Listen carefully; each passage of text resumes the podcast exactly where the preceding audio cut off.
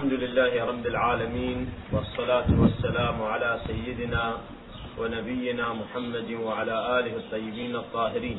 اللهم صل على محمد وآل محمد. واللعنة الدائمة على أعدائهم أجمعين من الأولين والآخرين إلى قيام يوم الدين. اللهم ربنا وفقنا وجميع المشتغلين واجعله خالصا لوجهك الكريم إنك أرحم الراحمين.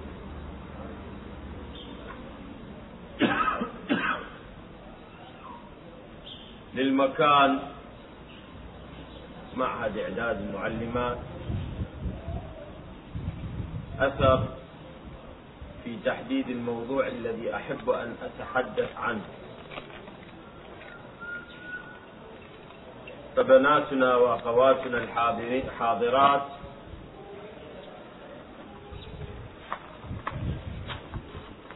بدورهن الرسالي التربوي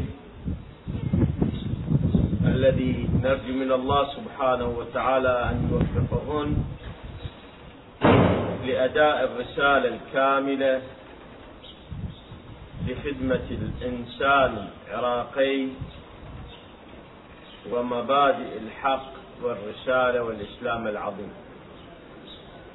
القضية المهدوية بكل أبعادها وخصوصياتها هي قضية عميقة في الأغوار نستل من عمقها موضوعا يرتبط بدور المرأة في إمامة الإمام المهدي عجل الله تعالى فرجه. الذي يقرأ ويتابع حياة الإمام المهدي يجد حياته تبرز بشكل ملفت مختلفة. حياته مختلفة عن حياة باقي الأئمة عليهم السلام من خلال حضور المرأة في إمامته. أنا أنقل لكم عدة صور. واحدة من تلك الصور المتعلقة بالإمام يتحدث عن ولادته. وقبل أن يتحدث عن ولادته يبدأ الحديث عن أمه. كل إمام من الأئمة عليهم السلام يبدأ الحديث من أبيه. إلا الإمام المهدي تبدأ القصة من أم الإمام السيدة نرجس. فالقصة التي يرويها بشر النخاس وهي قصة طويلة عظيمة كبيرة توضح اهتمام الإمام الهادي بإيجاد المرأة الصالحة التي تحمل الإمام المهدي. من خلال المرأة التي تصل بيد القدرة إلى سامراء السيدة نرجس لها دور عظيم. امرأة أخرى لها دور عظيم في حياة الإمامة هي السيدة حكيمة سلام الله عليها. عمة الإمام العسكري أخت الإمام الهادي بنت الإمام الجواد. السيدة حكيمة لها دور في الولادة والقصة تبدأ مع السيدة حكيمة كيف أن الإمام المهدي عجل الله تعالى فرجه سوف يولد. هذه امرأة ثانية تعلقت بالإمامة والإمام المهدي أمه نرجس عمته حكيمة. كل واحدة منهن لها قصة تذكر في كتب في كتب الغيبة التي تتحدث عن الإمام المهدي. الآن الوقت ما يساعد أنقل القصص ولكن أشير إليها. هذا المقدار يضاف إليه مقدار آخر. المقدار الآخر وهو أن الإمام بعدما توفي الإمام الحسن العسكري سلام الله عليه انقطعت عملية الاتصال المباشر بين الإمام وبين قواعده الشعبية الشيعة. فكان الإمام عليه السلام لا يتصل بجماهيره مباشرة الإمام الحجة. لا يتصل بجماهيره مباشرة وإنما يتصل بواسطة النواب الأربع. أول نائب هو عثمان بن سعيد العمري. عثمان بن سعيد العمري كان في بداية تسلمه لمنصب سفارة الإمام الحجة. الشيعة كانوا يحتاجون إلى من يرجعون إليه يباشرون معه. يتصلون به ويخبرونه ويحدثونه ويسألونه هذا شيء مهم. مهم. بمن يتصلون؟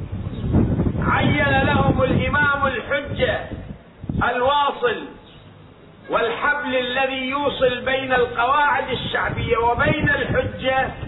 عين الجدة. الجدة هي أم الإمام الهادي سلام الله عليه. أم الإمام الهادي. فصارت الواسطة بين الإمام الحجة سيد الكون وبين الجماهير وبين الشيعة إمرأة. وهذه الإمرأة تسمى بالجدة صلوات الله عليها. أم الإمام الهادي. الناس يرجعون إلى السيدة حكيمة فتحت بابها. السيدة الحك... السيدة حكيمة ابنة الإمام الجواد لم تكن متصدية وإنما المتصدي كانت السيدة الجدة سلام الله عليها التي كان من أسمائها سليل من أسمائها المباركة سليل سلام الله عليها. الجدة تواصلت مع الناس. فقهاء الشيعة يتصلون بها. علماء الشيعة قادة الشيعة كبراء الشيعة يصدر منها الأمر ويعود إليها الأمر. استمر هذا الوقت. بعض الرواة عندما ينقل هذه القضية يقول جئت حكيمة فسألتها على فسألتها عن من ترجع إليه الشيعة. فقالت إلى الجدة قلت أنرجع إلى من أمره إلى امرأة. لاحظ الموقع. المتخلف عند هذا النمط من الناس الذي يميز دور المرأة عن دور الرجل. ويتصور أن المرأة لا تستحق أن تأخذ دورا قياديا في الأمة ولا تستحق أن تكون بمستوى المسؤولية لذلك يستنكر. بنفس الآن هو نجده يراجع السيدة حكيمة والسيدة حكيمة إمرأة. غفل. ولكن سبقته ثقافته وباطنه المتخلف بهذا التصريح. أجابته السيدة حكيمة قالت له أنتم أصحاب أخبار. يعني هذا الذي يسأل مو إنسان عادي هذا إنسان صاحب أخبار يعني متحدث متفقه. عند روايات يعمل بالأخبار مو إنسان من السوق وإنما إنسان من الطبقة المتقدمة من الأمة المثقفة. من رعاة الأمة يفترض به. قالت لا أنتم أصحاب أخبار وقد رويتم إن بعد الحسين عليه أفضل الصلاة والسلام كانت الأمة أو الشيعة ترجع إلى زينب ابنة علي بن أبي طالب صلوات الله عليه. فالظاهر وإلى علي بن الحسين في الباطن. الواقع أن تريد توضح له أن المرأة لا تقل دورا على الرجل في كثير من مواقع الحياة. بل في بعض مواقع الحياة يمكن للمرأة أن تتسنى أدوارا عظمى في التأليف. لذلك عندنا نحن عندنا أن فاطمة سلام الله عليها سيدة نساء العالمين وسيدة رجال العالمين ما عدا الأئمة صلوات الله وسلامه عليهم. موقعها ما عدا رسول الله ما عدا علي ما عدا الحسن والحسين. موقع فاطمة سلام الله عليها التي يقول عنها الإمام العسكري أو الإمام الهادي باختلاف الرواية نحن حجج الله على الخلق وفاطمة حجة الله علينا. هذا الموقع يعني الفهم المتخلف للمرأة. بالنسبة للرجل وبالنسبة للمرأة. للأسف الشديد هذا الفهم مو فقط عند الرجال أو عند بعض الرجال عند كثير من النساء. يفهمون دور المرأة دور متخلف. الدور المتخلف ما هو والدور المتقدم ما هو. الله تبارك وتعالى ما كلف الرجل بحكم إلا وكلف المرأة بمثله. بالصوم بالصلاة بالحج بالزكاة بالخمس بالأمر المعروف بالنهي عن المنكر إلا الجهاد فإن المرأة فسلجيا تختلف عن الرجل ولذلك كان أن الخبر يقول أن جهاد المرأة تعففها وخدمتها لزوجها وإدارة البيت وإدارة هذا الموقع من الحياة اللي ما يستطيع الرجل أن يؤديه بشكل مناسب. طبعا مو من المصلحة المرش البندقية وتقاتل وهذا تخفيف حمل عليها. ولكن المرأة شاركت أيضا في كثير من حروب النبي صلى الله عليه وآله في موقع التمريض وغير ذلك كما كانت تحضر سيدة نساء العالمين فاطمة الزهراء سلام الله عليها في بعض مواقع النبي ومعارك النبي صلى الله عليه وآله وتضمد رسول الله وتضمد جراحات علي عليه أفضل الصلاة والسلام. الكلام مر المرأة تحس كالرجل بقيمتها السلعية أنا اعبر سلعية يعني سلعة. هذه القيمة التي يحاول المتاجرون بعفتها ونجابتها أن يستغلوها لدوافع ذاتية أو دوافع ضيقة ذات أفق ضيقة ولذلك يتحدثون عن أنوثتها ويتحدثون عن قضايا مرتبطة بهذا المنطق وبهذه الروح.